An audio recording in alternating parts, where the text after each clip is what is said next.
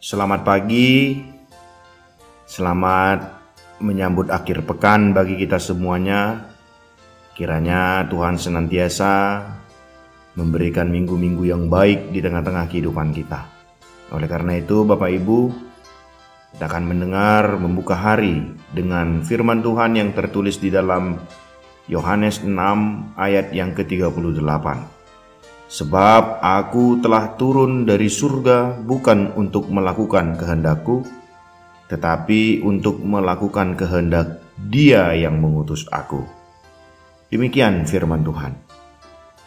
Sudahkah kita benar-benar percaya? Percaya kepada Yesus sebagai Tuhan adalah sesuatu yang luar biasa, sangat berharga, mulia, ternilai dan tak bisa digantikan dengan uang, emas, perak, harta, atau apa pun yang ada di dunia ini. Mengapa?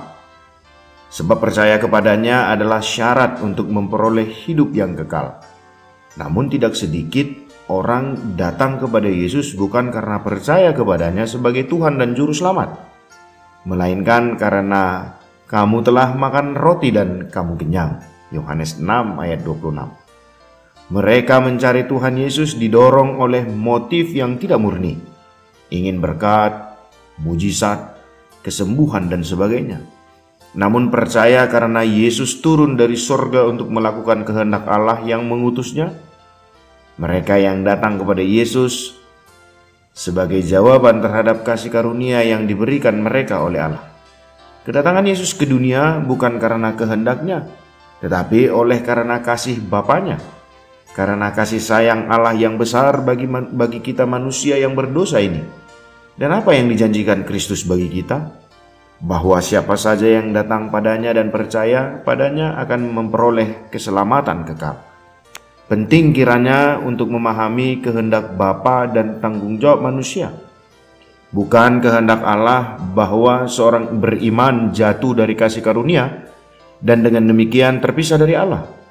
Juga bukan kehendaknya jikalau orang binasa atau gagal datang kepada kebenaran dan diselamatkan. Sesungguhnya keinginan Allah bahwa orang beriman akan dibangkitkan pada akhir zaman dan tidak membebaskan mereka dari tanggung jawab untuk menaati dan mendengarkan suaranya serta mengikutinya.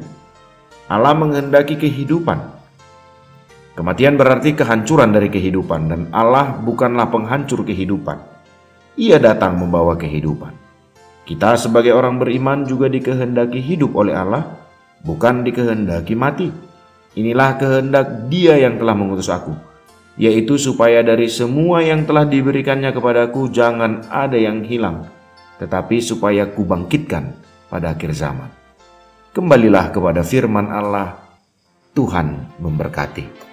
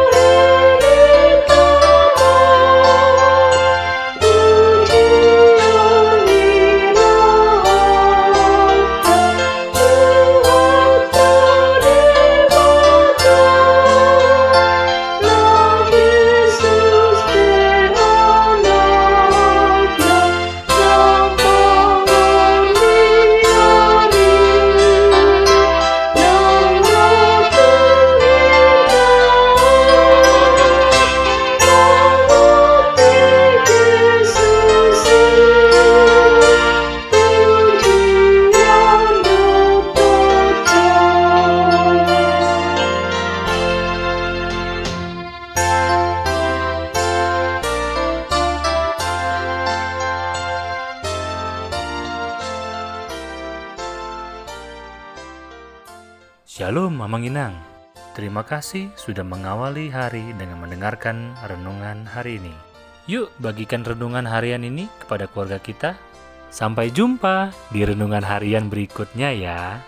Tuhan Yesus memberkati.